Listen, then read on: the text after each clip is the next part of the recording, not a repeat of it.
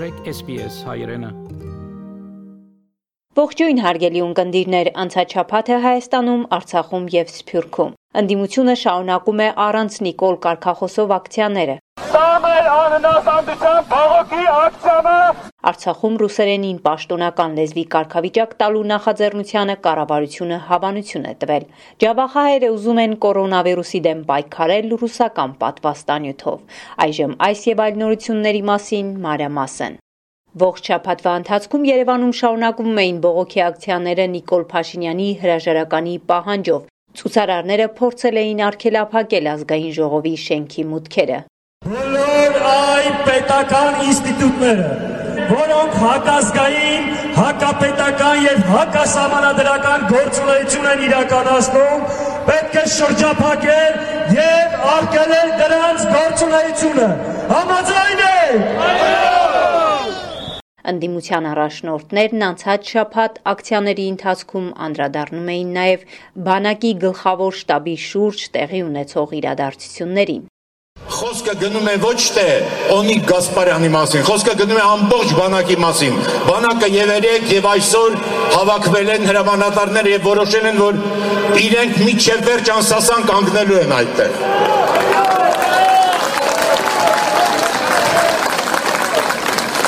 Այդ ամենը կարող էր ուրիշ ձևի լինել, եթե մենք ունենայինք նախագահ։ Բայց մենք նախագահ չունենք։ Մենք ունենք մի հատ հարուստ տուրիստ, որը 5 աստղանի դղյակում ապրում է, որի սպասարկում են 100-ից ավել, եթե չեմ սխալվում 170 աշխատակազմ ունի, մեր բյուջեի հաշվին, այսինքն մեր գրբանի հաշվին, պատտում է աշխարհով մեկ, ոչ մի օգուտ չբերելով Հայաստանին։ Հայաստանի ներկայիս նախագահին ընտրել են նախկին իշխանությունները։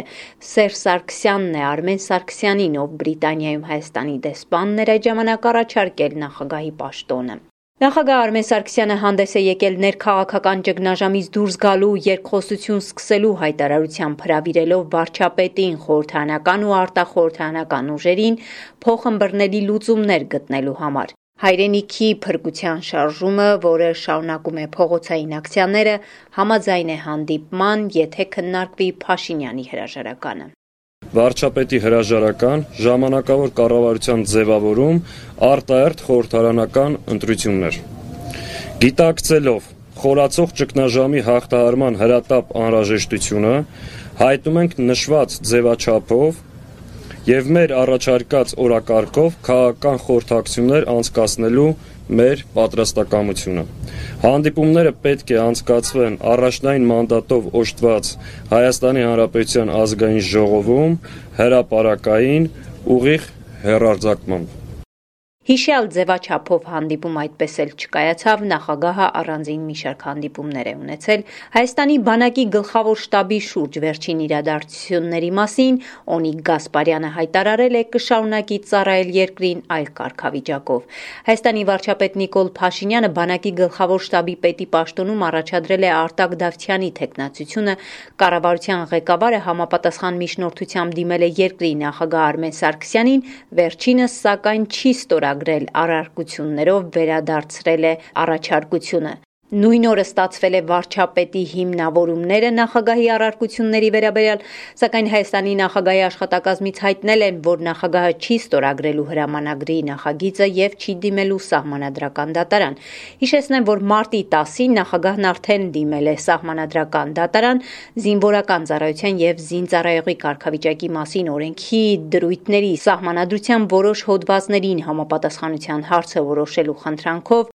Միևնույն ժամանակ անցած շաբաթ հայտարարություն է տարածել Հայաստանի բանակի գլխավոր շտաբին արդեն նախկին պետ Օնիկ Գասպարյանը հայտարարելով, որ ինքը կշարունակի ծառայել երկրին այլ կարգավիճակով։ Ավելի վաղ Հայաստանի վարչապետ Նիկոլ Փաշինյանը հայտարարել էր, որ Գասպարյանին հերացրել է պաշտոնից։ Նա շտաբի մի խումբ զինվորականների կողմից իր հրաժարականի պահանջը որակել էր ռազմական հեղաշրջման փորձ Հայաստանում։ Արցախ Ռուսերենին պաշտոնական կարգավիճակ տալու նախաձեռնությանը Արցախի կառավարությունը հավանություն է տվել։ Այսօր ընտրական նախաձեռնությունը կմտնի խորհրդարանի օրակարգ, որտեղ հավանություն ստանալուց եւ նախագահի կողմից ստորագրվելուց հետո կստանա իրավական ուժ։ Արցախի պետական համասանի մի խումբ դասախոսներ էլ բաց նամակ են հրապարակել, պահանջելով Արցախում պաշտոնական լեզվի կարգավիճակը վերապահել միայն պետական լեզվին, այսինքն հայոց լեզվին։ Նրանք առաջարկում են ձևակերպել, որ ռուսերենը Արցախի տարածքում ազգամիչյան խորհրդակցության լեզու է, առաջարկում են ռուսերենն ընդունել որպես աշխատանքային լեզու, որը կարող է գործածվել պետական եւ այլ հաստատություններում։ Արցախի նախագահական նստավայրում հյուրընկալվել են տեղահանված բնակավայրերի բնակիչները, երկրի ղեկավարի հետ քննարկման թեման հետագա անելիքներն են եղել, Արայիկ Հարությունյանը եւս մեկ անգամ ընդգծել է բանակցային դաշտում պայքարը շարունակվելու է։ Մենք չենք հրաժարվում հաջորդի շրջանից մեր պայքարը շարունակվելու է եւ իհարկե դա խաղաղ ճանապարհով, բանակցային եղանակով, որ เป զի մենք կարողանանք հետ բերենք մեր կորցրած գոնելղի մի տարածները Հայ հեղափոխական դաշնակցության բյուրոյի երիտասարդական գրասենյակի պատասխանատու Արշակ Մեսրոպյանը հայտարարել է, որ դաշնակցության երիտասարդական միություններն անմասն չեն մնալու Արցախի վերականգնողական աշխատանքներից, Որպես համահայկական կառույց դաշնակցության երիտասարդական կազմակերպությունները շարունակելու են նպաստել, որ Արցախցին իր ապագան կապի Արցախի հետ, հենց այդ առաքելությամբ էլ Արցախում նրանք ներկայացրել են մշակած ծրագիրը։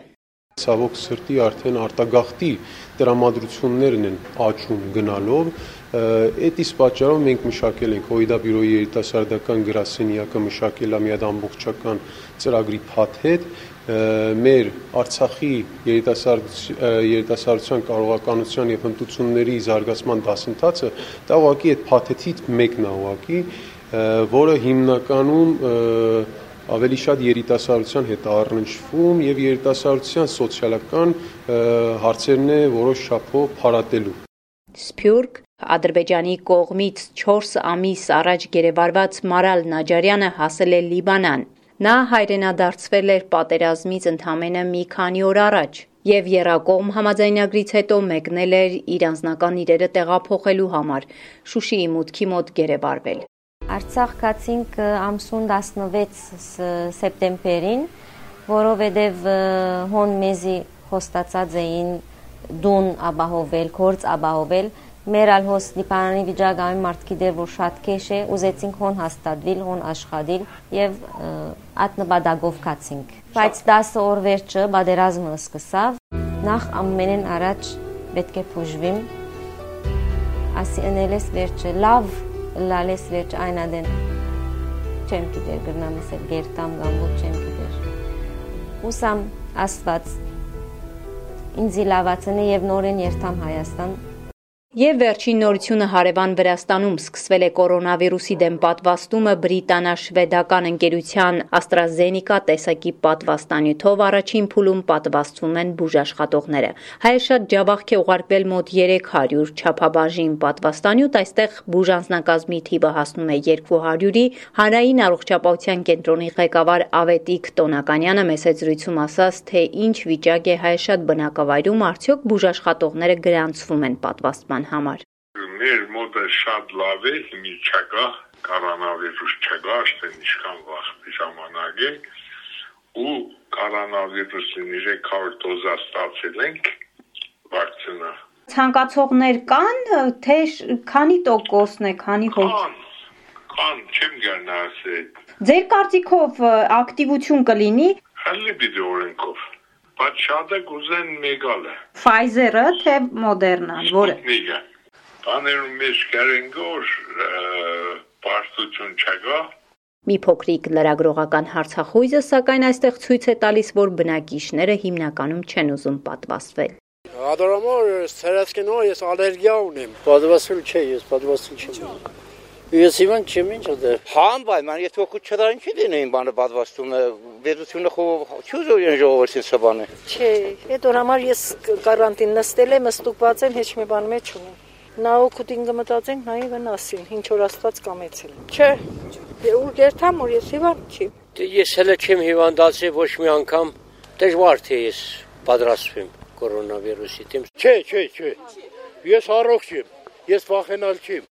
Նշեմ, որ Ջավախքում բուժաշխատողների պատվաստումը կմեկնարկի մարտի 17-ից, իսկ Հայաստանում այս պահին պատվաստանյութերից արկա է միայն ռուսական Սպուտնիկը, սակայն առողջապահության նախարարությունը հավաստիացնում է, որ կունենա մի քանի պատվաստանյութ։ Այսքանն անցնող օրերի իրադարձություններն SBS-ի համար ամփոփեց Գիտա Էլիբեկյանը։ Կուզես լսել նման բանություններ, կընտրե Apple Podcast-ի, Google Podcast-ի, Spotify-ի վրա, կամ որտեղեն որ podcast-ը դուք լսես։